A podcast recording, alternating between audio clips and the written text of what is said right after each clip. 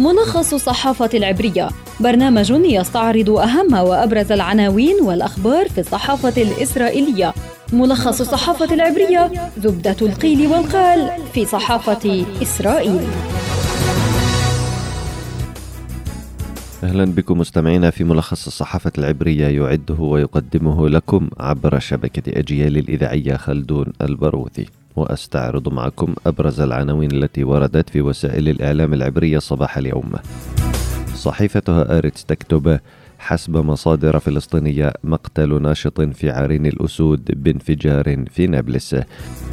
إسرائيل هيوم تعنون المستوطنون يطالبون الجيش بالسماح لهم بحمل بنادق إم 16 إضافة إلى المسدسات.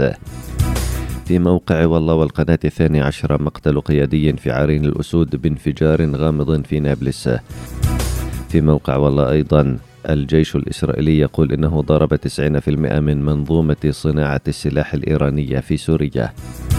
صحيفة يدعوت أحرنوت تعنون يائير لبيد يخشى من أن يشكك بنيامين نتنياهو بشرعية نتائج الانتخابات. واعتقال والد وشقيق منفذ عملية الطعن في القدس. تقول يدعوت أحرنوت. صحيفة معارف تعنون في ظل المخاوف من نسبة تصويت منخفضة الأحزاب العربية تركز جهودها على حث الناخبين على التصويت. ودعوات لمقاطعة شركة زارا بعد دعم وكيلها في إسرائيل لإيتمار بن كفير. هيئة البث الإسرائيلية تعنون عشرة أيام للانتخابات مقعد واحد سيحدد الفائز. وفي القناة الثالثة عشرة انتخابات في ظل موجة العمليات الحملة الدعائية تدخل مراحلها الأخيرة.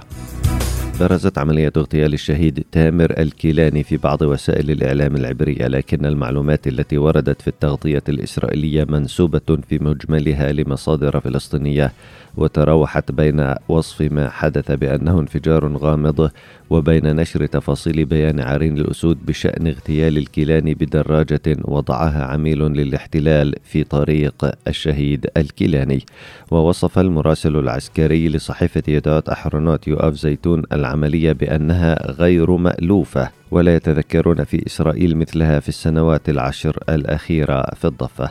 وفيما يتعلق بالتصعيد أيضا تقول صحيفة إسرائيل هيوم إن المستوطنين يطالبون بالحصول على تصاريح لحمل بنادق إم 16 إلى جانب المسدسات في ظل الأوضاع في الضفة. ونقلت الصحيفة العبرية عن الجيش قوله إن معظم طلبات المستوطنين للحصول على رخصة لحمل بندقية رفضت لأن الإجراءات المتبعة لم تتغير وهي لا تسمح لمعظم المستوطنين بحمل سلاح طويل المدى بل تكتفي بمنحهم رخصا لحمل مسدسات.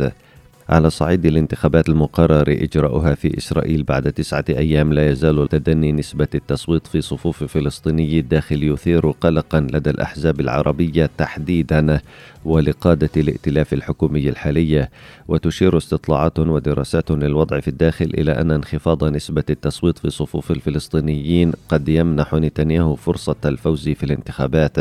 وإذا صوت أقل من 40% من الناخبين العرب فقد يحصل نتنياهو على 60 مقعدا وقد لا تتمكن القائمة المشتركة تحديدا من اجتياز نسبة الحسم لكن إذا ارتفعت نسبة المشاركة في الانتخابات إلى 55% فإن نتنياهو سيتراجع إلى 54 أو 56 مقعدا. وفي حالة خسارة نتنياهو يتوقع رئيس الحكومة الإسرائيلية يائير لبيد أن يقدم نتنياهو والليكود على التشكيك بشرعية نتائج الانتخابات كلها. وقال لبيد في مقابلة خاصة مع موقع واينت التابع ليديعوت أحرونوت إنه يخشى أن يشكك نتنياهو في شرعية الانتخابات إذا خسرها. كذلك قال لبيد إنه قلق من إيتمار بن كفير ووصفه بأنه شخص خطير يدير ميليشيات تعتدي على الجنود في الضفة وأمثاله ليسوا هم الحل. ورفض رئيس الحكومة الحالية الحديث عن إمكانية دعم أيمن عودي وأحمد الطيبي للائتلاف الحكومي من خارجه. إذا منح لبيد فرصة تشكيل حكومة جديدة. نهاية حلقتنا من ملخص الصحافة العبرية أعدها وقدمها لكم عبر شبكة أجيال الإذاعية خلدون البروثي أطيب التحيات إلى اللقاء.